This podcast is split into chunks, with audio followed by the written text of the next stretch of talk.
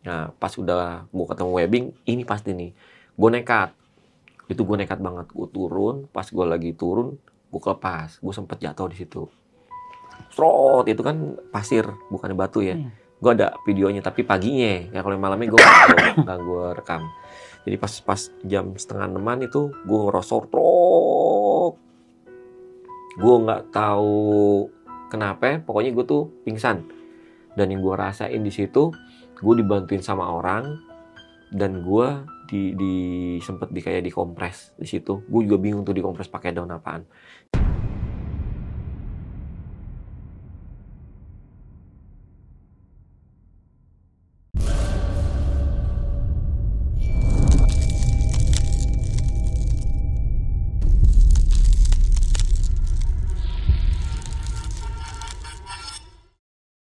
Assalamualaikum warahmatullahi wabarakatuh. Balik lagi di besok pagi. Kali ini bareng gue Bang Mange. Pria gemoy tanpa bahan pengawet.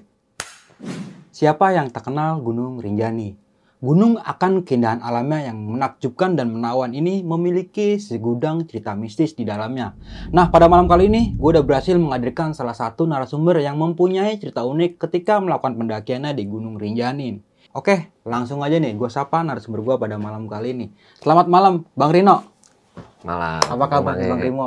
Alhamdulillah. Rimo. baik. Rino ya Bang ya? Rino. Alhamdulillah sehat Bang ya. Alhamdulillah. sehat. Terakhir ketemu kita di studio lama ya Bang ya? Studio lama. Keren Oke. nih studio baru nih. Alhamdulillah Bang, sedikit-sedikit Bang ya. Keren. Agak nuansa-nuansa kayak kayak Jepang gitu kan. Tapi keren, keren banget.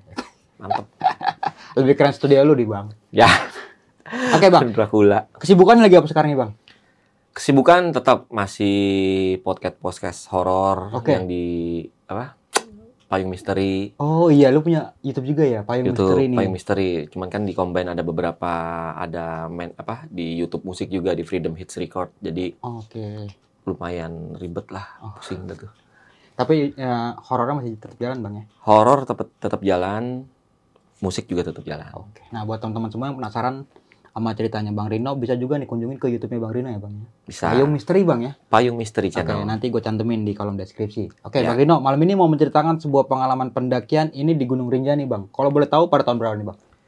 Ini Gunung Rinjani waktu itu sehabis jadi kurang bulan September 2019. Oh, se- setelah pasca gempa itu, Bang. Pasca gempa, pasca gempa.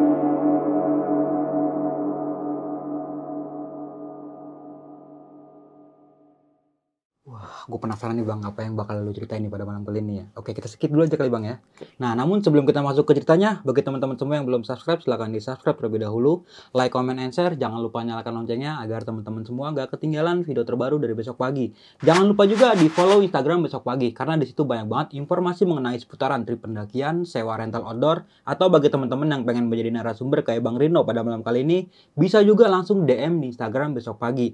Jangan lupa juga nih dengerin kita di Spotify karena di situ ada episode-episode terbaru yang kita nggak tayangin di YouTube. Mau nggak mau, suka nggak suka bahwa hal gaib itu ada di sekitar kita. Tanpa berlama-lama lagi, langsung aja kita masuk ceritanya.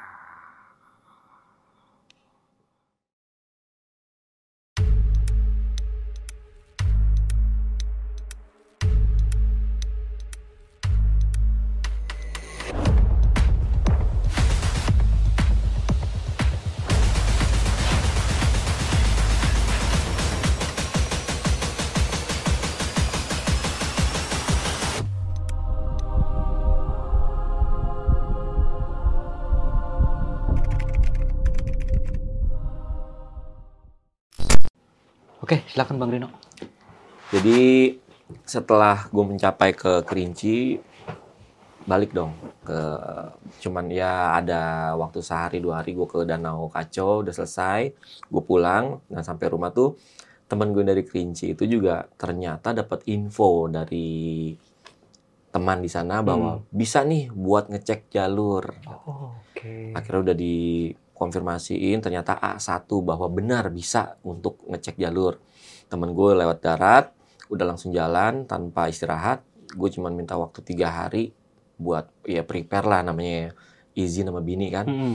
udah selesai gue langsung beli tiket langsung ke Lombok.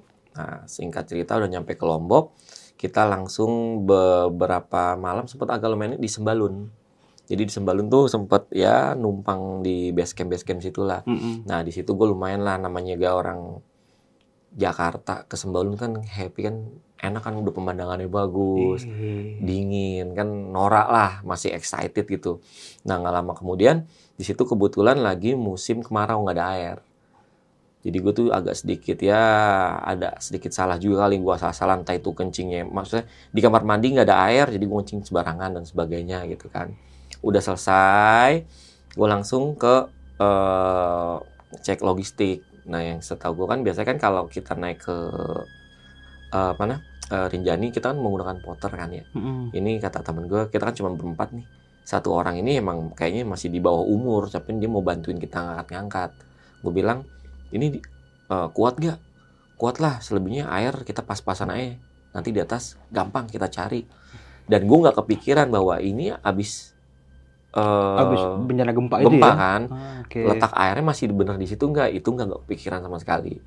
Jadi gue bawa air pas-pasan jalan dang. Itu sampai ke yang pas kandang sapi itu kan kita kan jalan kaki nggak pakai ojek.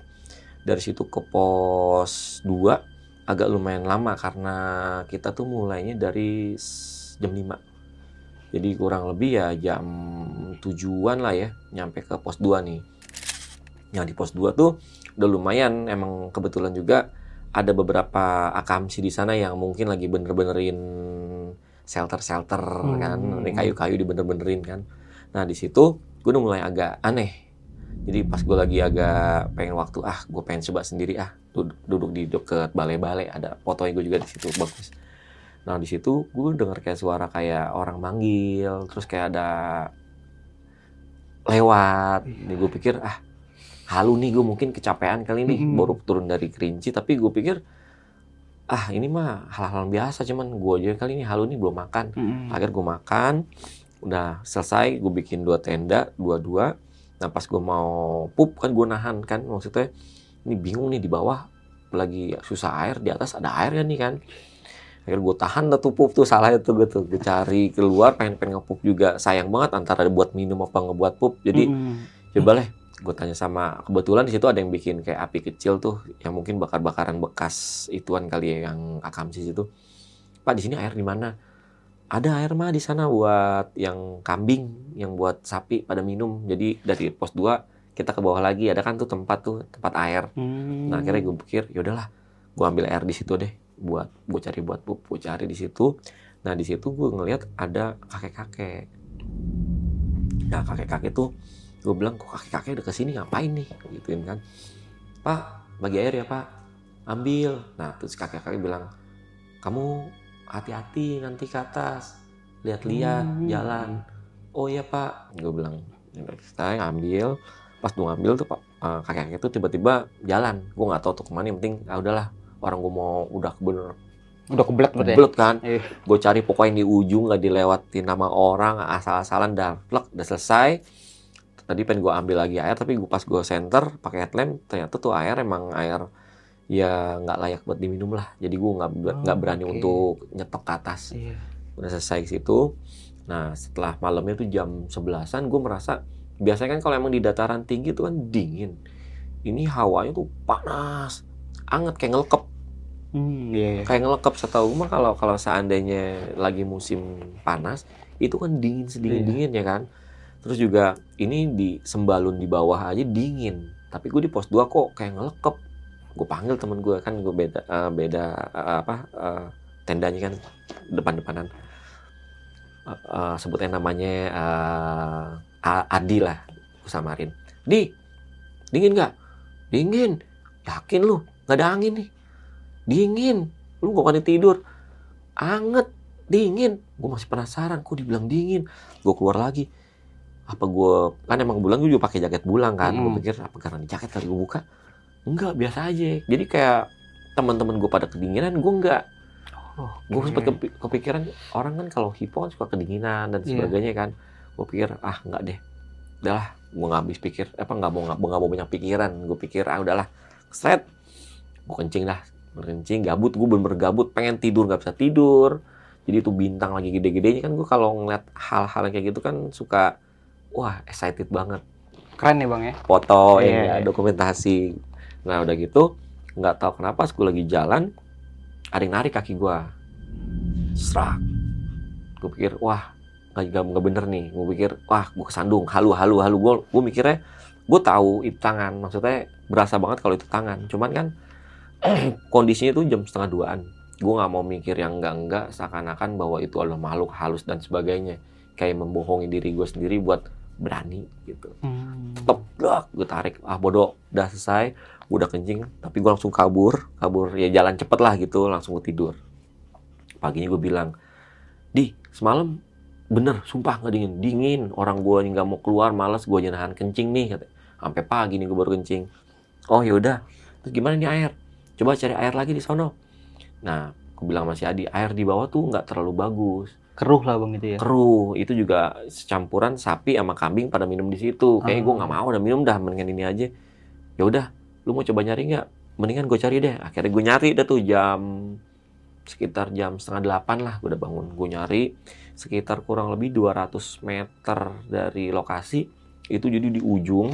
Gue juga nggak tahu yang ngasih tahu itu siapa nih. Jadi pas gue nyari ke bawah gue berusaha untuk nyari air yang bersih lah ya. Kan gue buat persiapan karena nanti kan ngelewatin eh, tujuh bukit penyesalan kan? Mm-mm. gue pikir wah nih abis nih ntar di sini nih tenaga nih. Gue harus punya cadangan seenggaknya dapat tiga botol lumayan deh. Iya.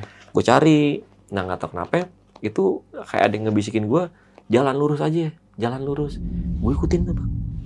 Jalan lurus jalan lurus. Ternyata udah sampai gue sampai dalam hati nyasar nggak nih gue ya? Tapi gue belok ngeliat lagi ke belakang patokan gue pokoknya garis lurus aja dah pokoknya deh Hmm, gitu. iya. ternyata ada patahan di situ ngebentuk goa.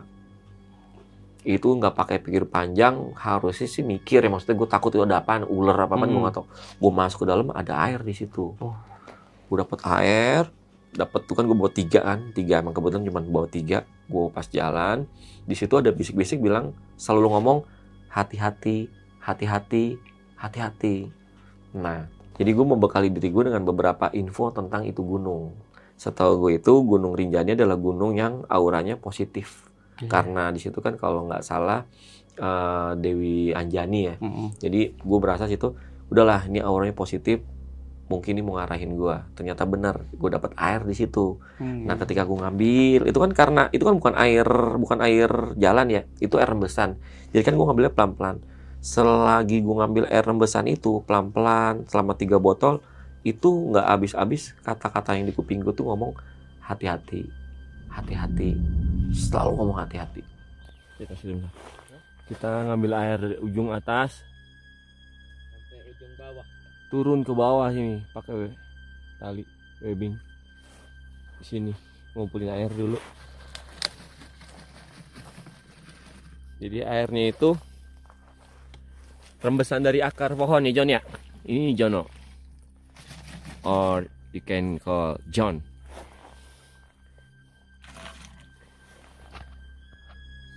Tuh. Jadi kita nampung air dari tetesan. Tuh lihat. Ini dari sini kita. Dan airnya layak untuk minum kok. Aman Nah, ketika gue naik ke atas, ada beberapa orang yang akamsi juga situ mungkin nggak tahu nyari apaan. Dia ngomong dapat air di mana mas? Di sana. Yaudah, eh, saya cari juga deh. Ada beberapa orang tuh yang volunteer mau minta air juga lagi dicariin. Ketika gue udah nyampe, orang itu udah sekitar sejaman ya nyamperin ke tenda gue. Di sebelah mananya sih mas? Saya di situ. Itu pak yang jalan bapak lurus lagi 50 meter bawahnya ada goa. Nggak ada dia nyari sama sekali. Jadi cuma beda 50 meter dari lokasi gue ngambil air Heeh. sama bapak itu yang ketemu gue, dia nyari nggak ada. Padahal cuma lurus doang bang. ya? Cuma tinggal lurus doang. Sampai temen gue si Adi ngomong, lu yakin dapat? Lah ini air dapat. Gue masuk ke dalam, lu nggak takut ada ular? Nggak tahu kayak patahan dah tuh. Menurut gue sih feeling gue tuh kayak patahan. Jadi sebelum ke arah itu ada patahan gede, dia itu gue ngikutin. Nah beberapa orang udah ngikutin itu patahan, tapi patahannya nggak masuk ke dalam, dia nggak nemuin itu gua.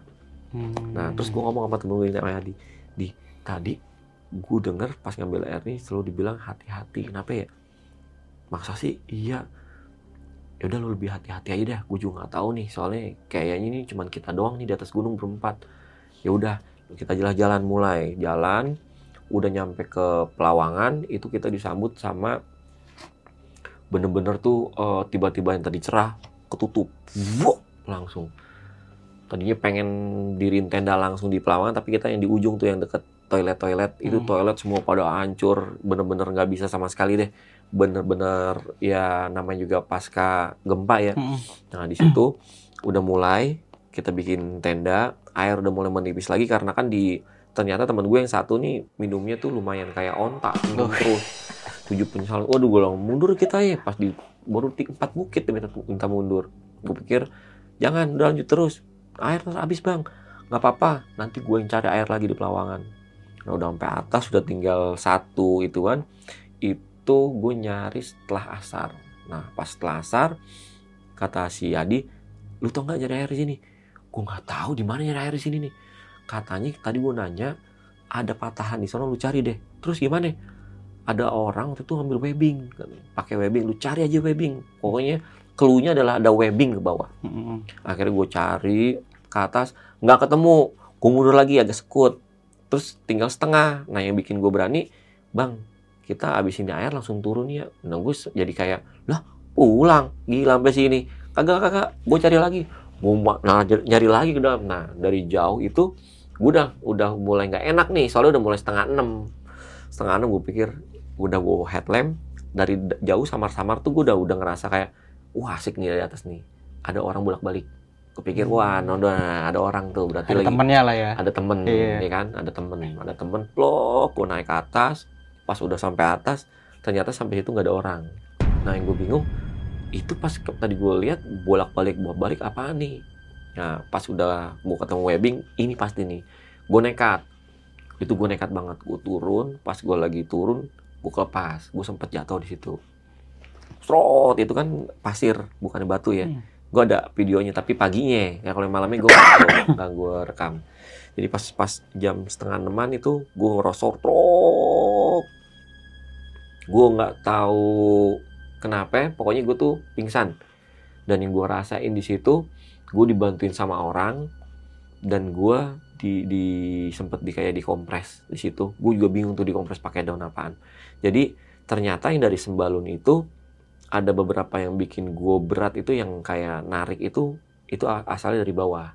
Hmm. jadi gue di situ ngelihat kayak gue bisa pas gue pingsan tuh yang gue bawa gue tuh bisa flashback bahwa yang di pos 2 itu gue ditarik sama be- sama kayak tengkorak gitu tangannya. Gue nggak tahu bentuk apa jadi kayak tangan kayak ya lebih lebih mirip kayak tengkorak lah nggak ada kulitnya gitu kerak nah. Di situ mulai rame rame tuh di situ tuh. Jadi pas di bawah jadi kan webbing gue jatuh rrrr ke bawah. Udah pas di paling dasar itu rame. Jadi gue sempet dikasih kayak ayam ayamnya dikuningin. Gue nggak tahu tuh ayam apa bukan ayam taliwang sih. Cuman yang pasti gue makan. Gue makan jadi kayak oh nggak apa-apa nggak apa-apa ini ada apa nih? Enggak emang ini eh, seperti ini. Oh ya udah. Gue bilang saya mau ambil air. Air ada di bawah akar nanti aja kita ada persediaan air kok. Jadi di, gue di situ kayak kayak lagi orang sunatan di jamu. Di situ jadi gue pas di situ gelak gue makan gue sempat minum gue pikir ya buset jadi yang tadi gue lihat ternyata emang bener bukannya angan-angan Hmm. gue doang nih gitu kan. Nah pas gue udah makan minum tiba-tiba ada yang kakek-kakek yang pernah gue lihat di tempat kubangan yang di pos 2 kakek ngomong udah udah. Ngomong bilang apaan sih udah? Apaan sih udah? Gue bingung udah. Ngomong udah? Gue lagi minum. Maksudnya entah gue disuruh udah makannya udah minumnya gitu kali. Karena kan iya. sampai Pelawangan teman gue juga belum masak kan. Gue juga di situ kan asik kan. Maksudnya Iya. dibilang udah udah. Gue pikir udah udah udah apa nih? Pas gue udah sadar tek gue langsung kayak orang mimpi. Dak. Sini gue udah besot-besot. Cuman air gue udah penuh satu. Akhirnya gue ambil lagi air di akar. Cuma gue udah cuma dapat satu setengah. Gue langsung panik gue besot kan karena gue jatuh ke bawah. Gue naik ke atas itu jam sekitar kurang lebih ada 20 menitan lah. Cuman gue sampai ke situ sampai ke tempat temen gue tuh gue setengah delapan. Jadi kata temen gue tuh gue sempet diteriak-teriakin tapi nggak ada orang. Hmm. nah akhirnya gue ceritain sama temen gue di gue gini-gini masa sih di sini nggak begitu tahu di sini setahu gue auranya tuh positif. Jadi yang namanya untuk kayak di eh, gangguin sama makhluk halus kayak di di apa ya di bawah makhluk halus tuh biasanya orang-orang yang punya hatinya jahat. Hmm. nah gue nggak tahu nih di gimana deh udah nggak apa-apa. Di sini dulu deh. Nanti besok pagi kita lu tau kan cari eh, tempat airnya letaknya? Iya gue tahu. Gue udah nandain soalnya kan. Nah udah selesai malamnya gue masih ngerasa nggak enak. Nggak enaknya tuh kayak seperti yang malam berikutnya di eh, pos 2 itu bener-bener kayak ngelekep. Itu kan posisi gue itu depannya udah kelihatan banget. Itu gunung apa ibu jari ya. Segara anak udah Iya. kelihatan kan. Udah emang di pinggiran situ kan. Gue pikir awan di bawah gua. Musim panas. Masa ngelekep? Wah parah ini mah ada apaan ya? Gue gue kayak mencari pengen tahu nih ada apaan sih sebenarnya di gue nih. Kok temen gue nggak mau keluar tapi gue di luar ya angin mah ada wuh, tapi gue nggak ngerasain dingin cuma kan gue juga nggak mau cari penyakit nggak mau pakai jaket. Takutnya gue nggak ngerasa dingin totonya gue kena angin duduk kan juga Iya, ribet kan. Gua tet- juga kalau gitu. iya gue tetap begitu kan.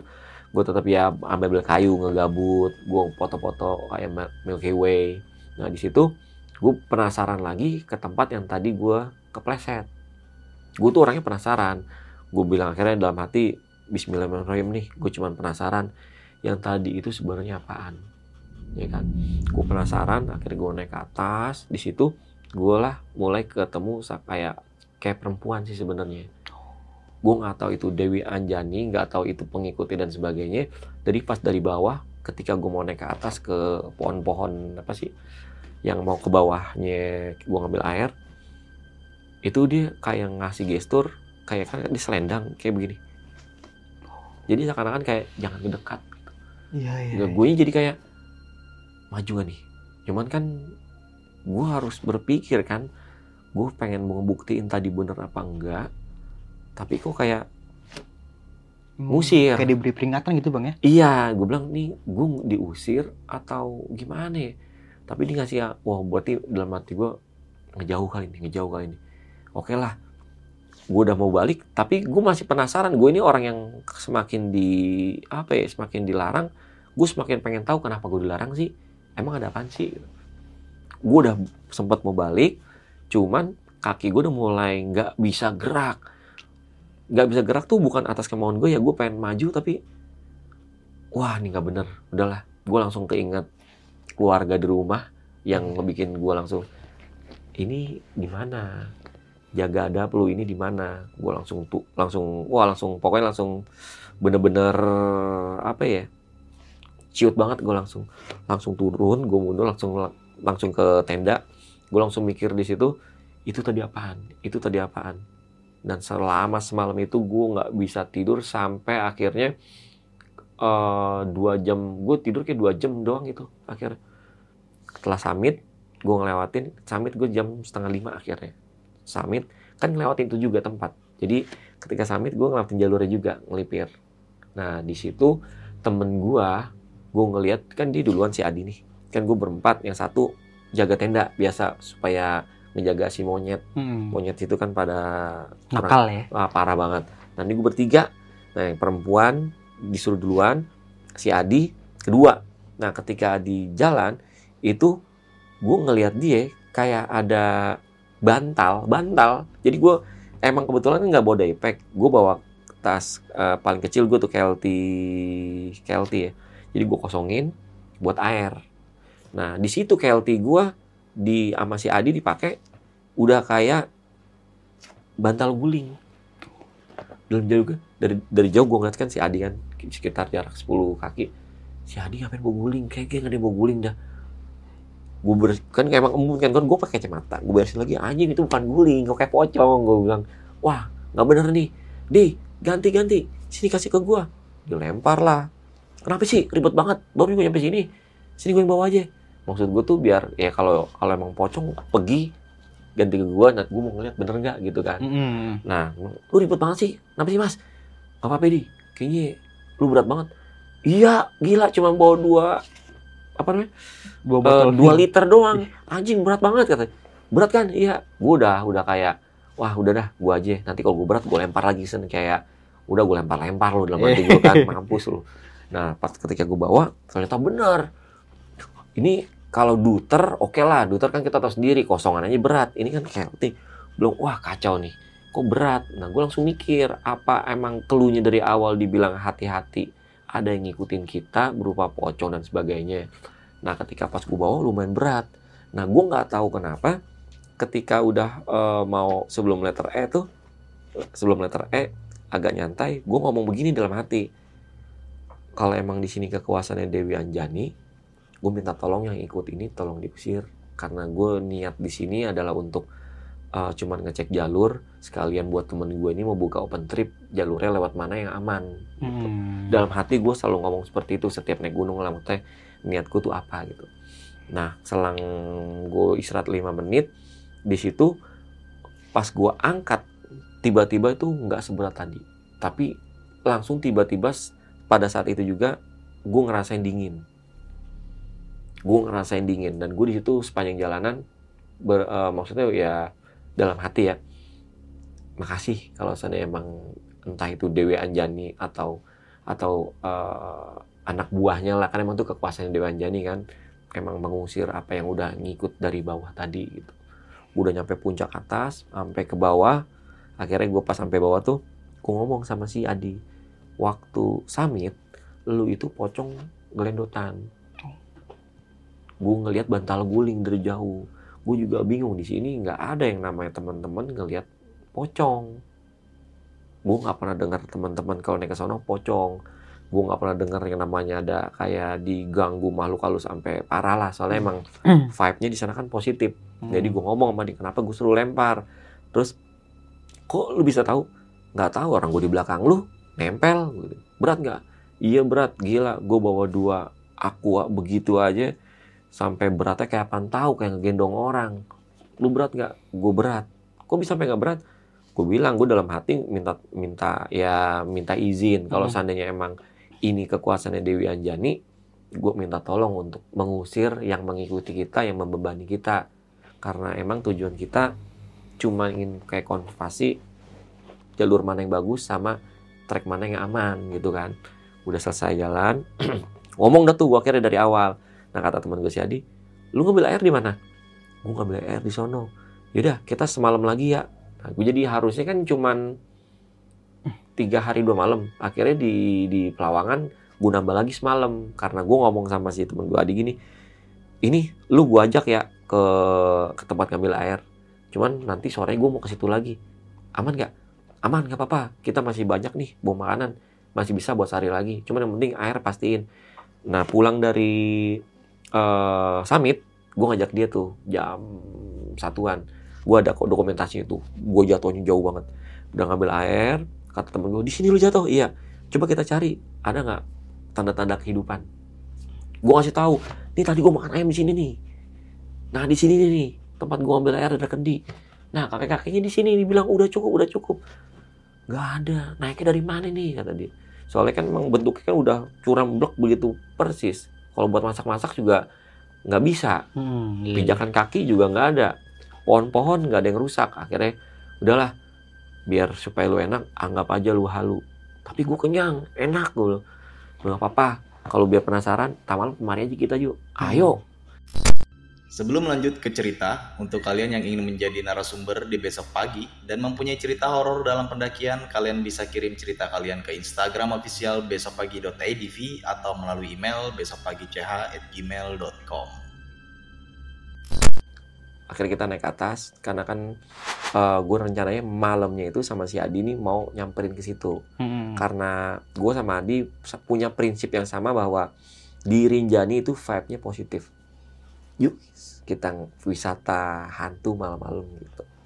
Nah udah sampai atas, udah masak ternyata nih si Adi gue nggak tahu ya maksudnya tiba-tiba kayak aneh, anehnya tuh kayak orang kayak ambekan. Ayo, nggak males gue. Jadi kayak orang musuhan. Hmm. Jadi kayak sedikit bad mood gitu ya, bad mood. bad mood langsung Iya. gue bilang lu kenapa sih enggak lu aja gue lagi malas banget ayo sekalian ngeliat udah lu aja sendiri. Gue pokoknya lagi malas gue nggak tahu deh pokoknya dia nggak mau ikut gue paksain. Cuman kan gue ini penasaran kan apa iya nih ngeliat yang cash malam lagi? Gue pengen buktiin nih. Akhirnya tuh jam sekitar jam setengah sepuluhan gue ngambil air lagi. Sebenarnya nggak berani. Hmm. cuman karena gue pengen membuktiin aja. Soalnya satu yang yang yang pegangan gue yang sampai saat ini. Orang hilang di gunung kebanyakan yang belum menikah. Gue pikir gue udah punya anak pasti nggak apa-apa lah. Awal gue beda sama orang yang bujangan. Bisa di browsing deh. Semua orang kebanyakan ya Hmm. yang entah meninggal di gunung atau hilang di gunung itu kebanyakan belum nikah. Itu pegangan gue yang sedikit agak meyakinkan gue untuk ayo berani lu udah punya anak tiga jangan takut nggak bakal hilang. Iya. jadi gue gue berani gitu. Tuh jalan temen ini hawanya siang nih dingin banget nih. Oke lah bodo amat. Wah bayangan lagi. Halu. Gue pokoknya segala sesuatu yang berbau dengan mistis halu. Halu dalam hati gue pokoknya. Gue jalan halu halu dang di depan mata gue ada warna hijau sama kuning dipakai selendang. Dah gue pengen. Itu dibilang kayak waktu anak SMA ke gap sama guru BP itu jaraknya sekitar 20 kaki. Bener-bener dek kelihatan gue gue nggak bisa ngomong gue nggak bisa ngapa-ngapain cuman dalam hati gue tuh gue kayak mirip kayak reperpan gue baca semua dalam hati. Astagfirullahaladzim astagfirullahaladzim astagfirullah. Itu gue ngeliat di depan mata gue astagfirullahaladzim astagfirullahaladzim. Dan gue nggak punya bekal mukanya Dewi Anjani itu seperti apa. Gue juga nggak tahu pengikutnya mukanya seperti apa. Yang pasti itu cantik. Tapi dengan ekspresi muka yang kayak kalau yang gue tangkap ya kan udah dikasih tahu ngapain ke sini. Hmm, iya, iya, iya. jadi nggak welcome. Iya. jadi nggak welcome. Jadi pas gue udah ke sana wah bener-bener kayak orang rapper gue yang astagfirullahaladzim astagfirullahaladzim astagfirullahaladzim. Jadi semua surat yang gue apal itu gue baca dalam hati gue nggak bisa kurang astagfirullah. jadi kayak gimana sih lu? Kaget deng langsung ke gap tup. Itu yang gue ingat cuman hijau sama kuning selendangnya baju kuning ini hijau gue udah selang kalau nggak salah itu sekitar ya satu menit lah. Satu menit yang sangat bikin gue deg-degan. Gue bisa bergerak gue tapi nggak mundur. Gue tetap turun ke bawah. Gue tetap turun ke bawah. Jadi pas udah pertengahan itu dari bawah tiba-tiba ada ada kayak semacam apa ya kayak orang kayak orang rame. Dan parahnya lagi gue nggak tahu kenapa pas kan kok pakai webbing turun ke bawah. Itu gue nggak berani ngeliat ke belakang. Itu gue merasa di situ gue jadi pecundang. Karena nggak tahu kenapa tiba-tiba hati gue tuh merasa jangan nengok belakang udah kabur. Gue nggak tahu kenapa tiba-tiba ya hati gue di yang tadinya nekat tiba-tiba berubah 180 derajat jadi penakut.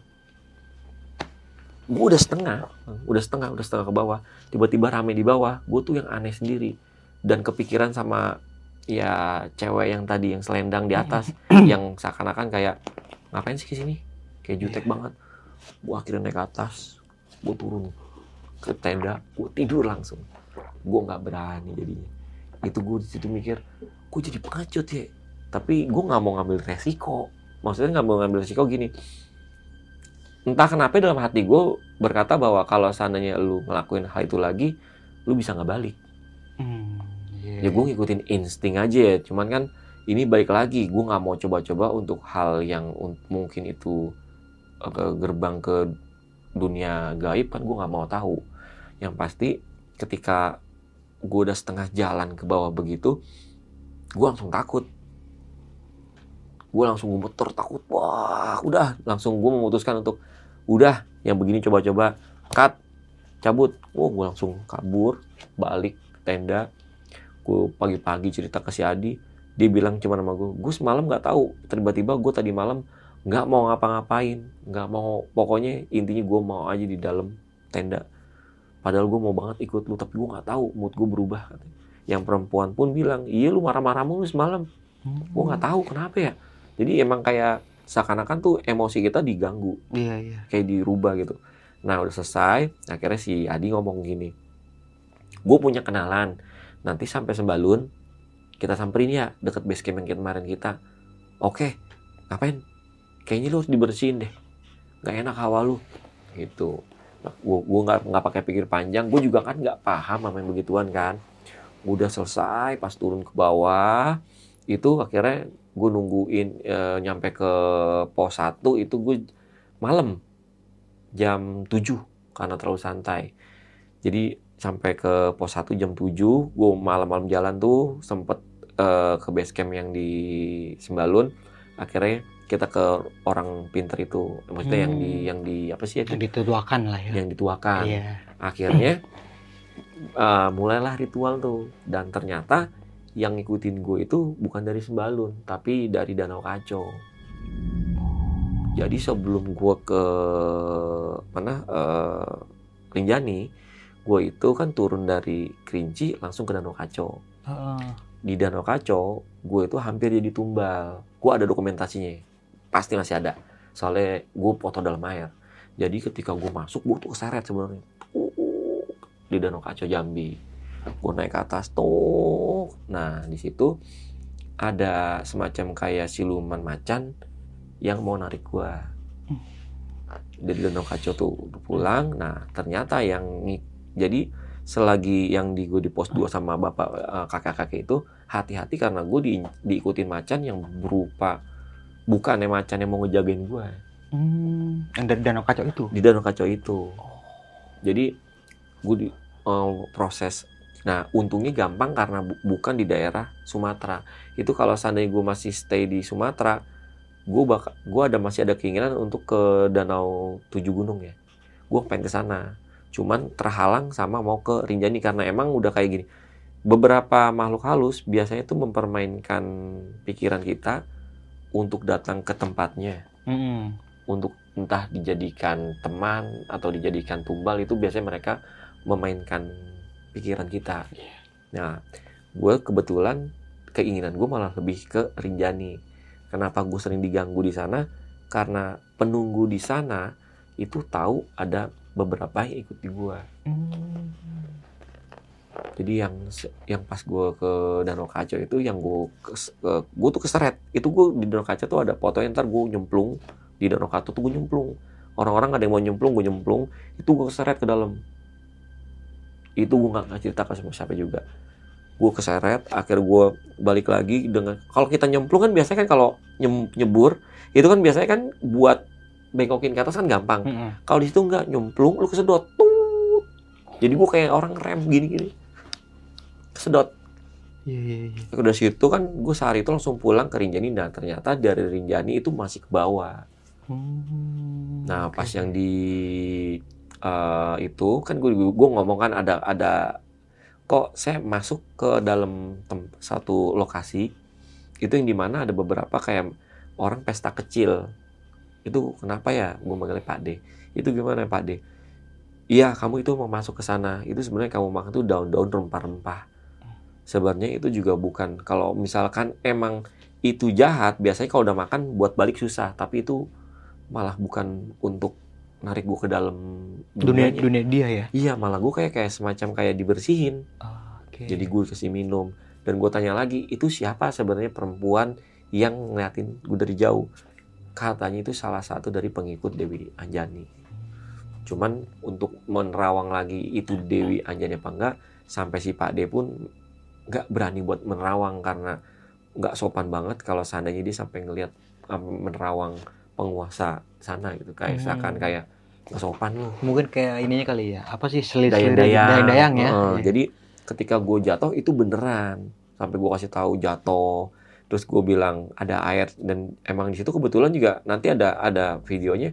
Airnya itu dari dari tetesan akar emang dari tetesan akar itu gue bisa menuhin 3 liter cepet. Bisa bayangin jadi cuman dari tetesan akar untuk ngisi 3 liter gue cepet banget. Itu gue dipermudah di sana. Jadi emang kayak Dewi Anjani itu kayak welcome banget sama rombongan gue ini datang karena tujuan kita datang ke sana itu mencari tahu lokasi mana yang aman untuk dirin tenda Hmm. lokasi mana yang buat bisa ngambil air.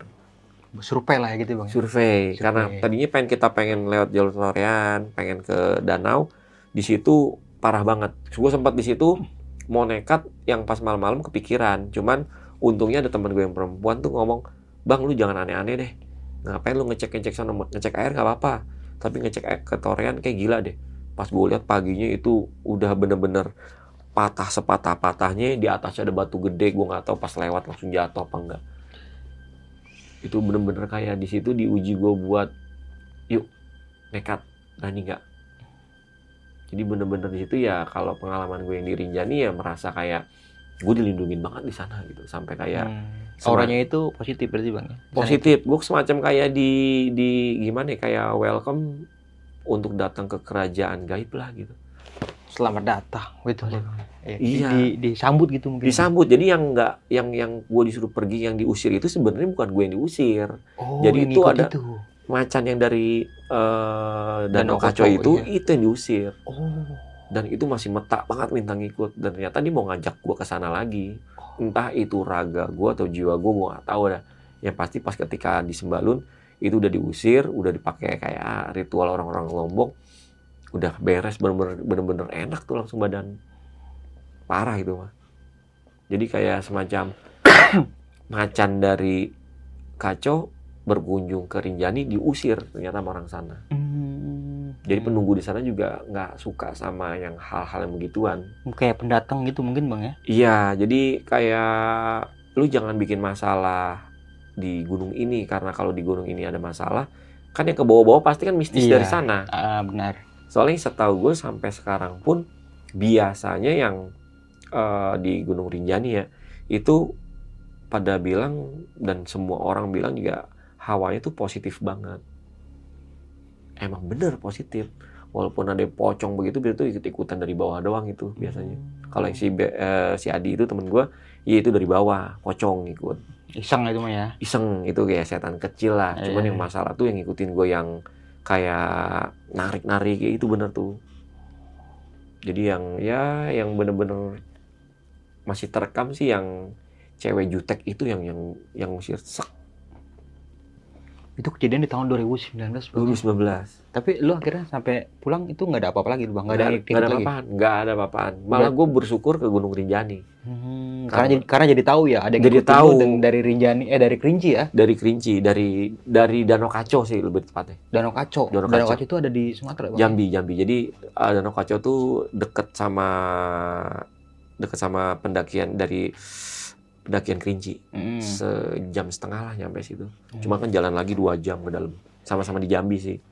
Cuman gue sekalian aja, pas dari turun ke Kerinci, ada waktu satu hari, Iya. ya kita ke Danau Kaco lah. Gitu. Danau Kaco sama yang Danau Tujuh itu beda berarti bang ya? Beda. Danau Ah. Tujuh itu beda jalur. Hmm. Kalau seandainya Danau Kaco itu gue ngetrek eh, datar, ya. bukit-bukit kecil. Kalau danau tujuh gunung kan naik lagi. Oh. Berarti itu penunggu sana itu ngikut lu Ikut. ya? Dan, itu dan ngikut juga ke Rinjani ya? ikut ke Rinjani itu yang bikin masalah. Tapi permasalahannya ini bisa pulang bang itu? diusir situ, Oh disir di Sembalun ya? diusir sama sebenarnya diusirnya itu sebenarnya kata si Pak D ini sempet mau bikin ke kegaduhan, kegaduhan lah. Hmm. Itu tapi kalau ada kegaduhan itu jatuhnya nanti gue bisa kena mental, entah tuh mental nggak tahu apa ya. Impactnya ada ke gue. Hmm. Jadi cuma bisa diusir. Akhirnya sama si Pak D ini pengusirannya beda. Maksudnya kalau seandainya antar makhluk halus yang berantem, itu impactnya di gue katanya nggak bagus. Oh iya.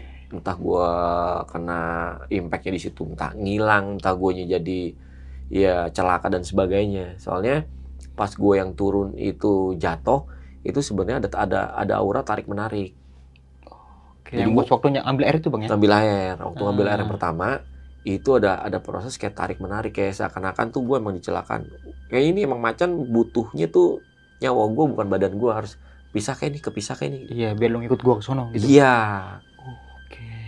jadi gue sempat gelinding ya diobatin tuh ya ternyata emang yang gue makan kayak daun-daun rempah-rempah yang gue pikir ayam yang gue bilang kuning Tapi eh, menurut Pak Ade yang pas waktu disajin makanan kayak gitu itu nggak masalah bang? nggak masalah malah itu katanya berupa kayak untuk gue bikin pulih Oke. cuman balik lagi kenapa dibilang cukup karena itu memang bukan makanan manusia sama yang Oh bapak kakek-kakek itu ya? Iya cukup cukup cukup gue bilang cukup apa cukup apa Tek akhirnya gue deleng baru wah pegel-pegel sini besot-besot berarti kan lu kan eh, pas malam selanjutnya kan lu ke situ lagi bang ya buat nyari ya? Ah. Nah itu lu ngerasa ada ramen di bawah? nah rame di situ gue langsung skut jadi kayak lebih kena mental lah kan gue udah setengah jalan nih udah Ah. turun ketika ada keramaian lagi gue langsung menyatakan oh iya benar ternyata sono banyak setan gitu jadi gue ke dalam hati udah cukup bermainnya Iya. ngetesnya udah cukup cukup cukup cukup, cukup. pergi Tapi kalau menurut logis mungkin nggak sih bang itu uh, salah satu gerbang buat masuk ke dimensinya dia itu. bisa soalnya gue pernah pernah ngalamin pernah ngalamin baik lagi ke Kerinci di Kerinci itu kan ada namanya Tugu Yuda Mm-mm. itu kenapa dibikin Tugu Yuda karena katanya yang namanya Yudas itu ya hilang di tengah-tengah rombongan ketika ada badai gede.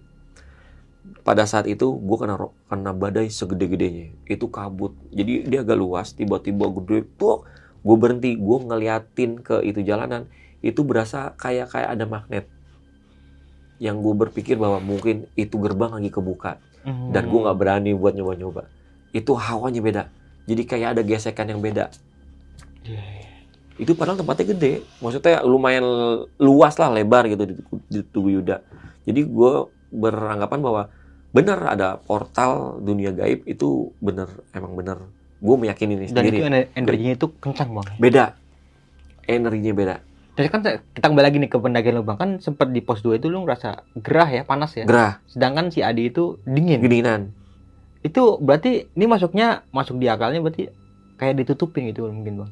Kalau yang pas gue tanya sama Pak Ade itu Hmm. macan di sebelah gua Oh. Jadi seakan-akan kayak dia tuh nempelin gue kayak gue nggak tahu ya maksudnya ini macan cocok sama gue nih dalam arti negatif atau positif. Hmm. Ada beberapa macan yang ngikutin kita buat ngejagain. Ada beberapa macan yang ngikutin kita pengen nyawa kita ikut dia. gitu. Iya. Jadi kayak hal-hal kayak gini. Kenapa kita dilarang untuk bersekutu sama yang makhluk halus kan karena kita nggak tahu tujuan dia apa. Kadang-kadang untuk mewujudkan eh, keinginan si makhluk halus, dia suka mempermainkan pikiran kita bahwa enggak cuman ini doang, enggak Iya, cuman iya. tiba-tiba kita malah jadi geser. Iya. Berangkat lagi ke tempat dia gitu. Iya, Bang. makanya kan diusahain jangan bersekutu sama jin, iblis atau makhluk halus lah gitu. Yang aman-aman aja lah sekarang. Aman aja, lu lurus lurus aja. Iya bener ya. Ribet.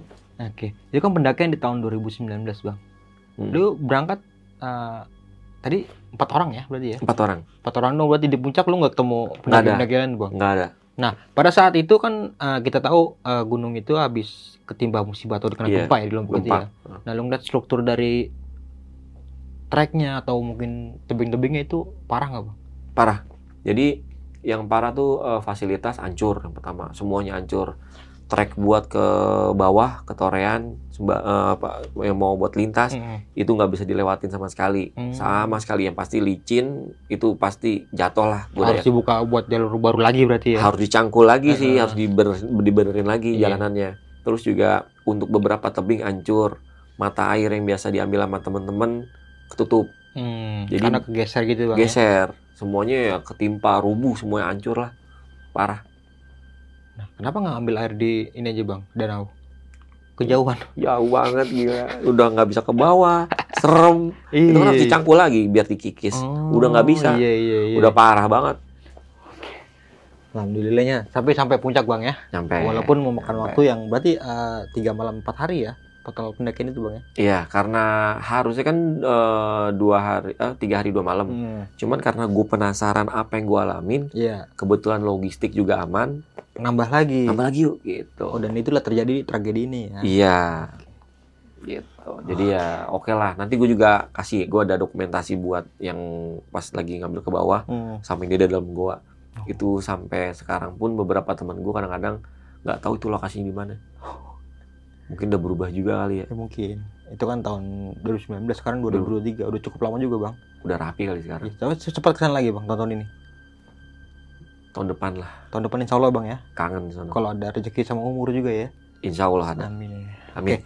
Bang, Rino, thank you banget nih eh, udah mau berbagi sebuah pengalaman pendakian yang spektakuler banget sih. Ini di tahun 2019 Gunung Rinjani via Tore eh via Sembalun berarti ya. Sembalun. Setelah naik Sembalun turun Sembalun ya, Turun Sembalun. Lintas gitu ya. Mm-mm. Eh, punya pesan-pesan nggak nih buat teman-teman semua atau lu mungkin mau promosiin YouTube lagi? Ya kalau buat promosiin YouTube ya coba aja pada nonton Iya. Payung Mystery Channel. Tapi lu bukan hostnya itu. Eh ganti-gantian. Oh, ganti-gantian. Ganti-gantian. Sa- ada satu gua satu gondil Iya. di Payung Mystery Channel sama Hadir, yang gitu bukan sih, Bang? Itu yang gondil. Kalau gua enggak.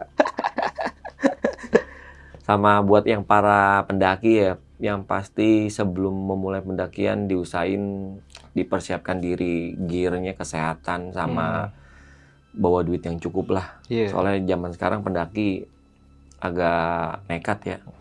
Kalau bisa kita jangan nyusahin base camp sana lah. Soalnya kasihan juga mereka kan kadang-kadang sono juga kan butuh tamu buat tambahan. Jadi Mhm. jangan diselonin mentang-mentang kenal. Gratis gitu ya. gratis jangan deh bener. Iya. deh kita harus ada mikir sedikit ke sono deh. Soalnya gue sedikit miris sama teman-teman yang akamsi sana. Jadi kayak digampangin lah. Seenggaknya jangan bikin susah deh gitu aja. Maksudnya jangan jangan kosongan.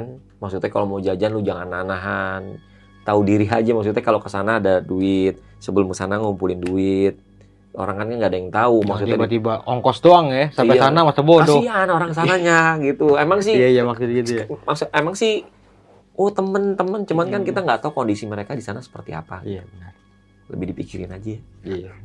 Dan juga melakukan pendakian dengan orang yang berpengalaman ya, serta safety dalam melakukan pendakian. Hmm. Mungkin itu aja nih dari gua Bang Mange dan juga Bang Rino. Ah, Gua pamit undur diri. Sampai jumpa di video-video selanjutnya. Assalamualaikum warahmatullahi wabarakatuh.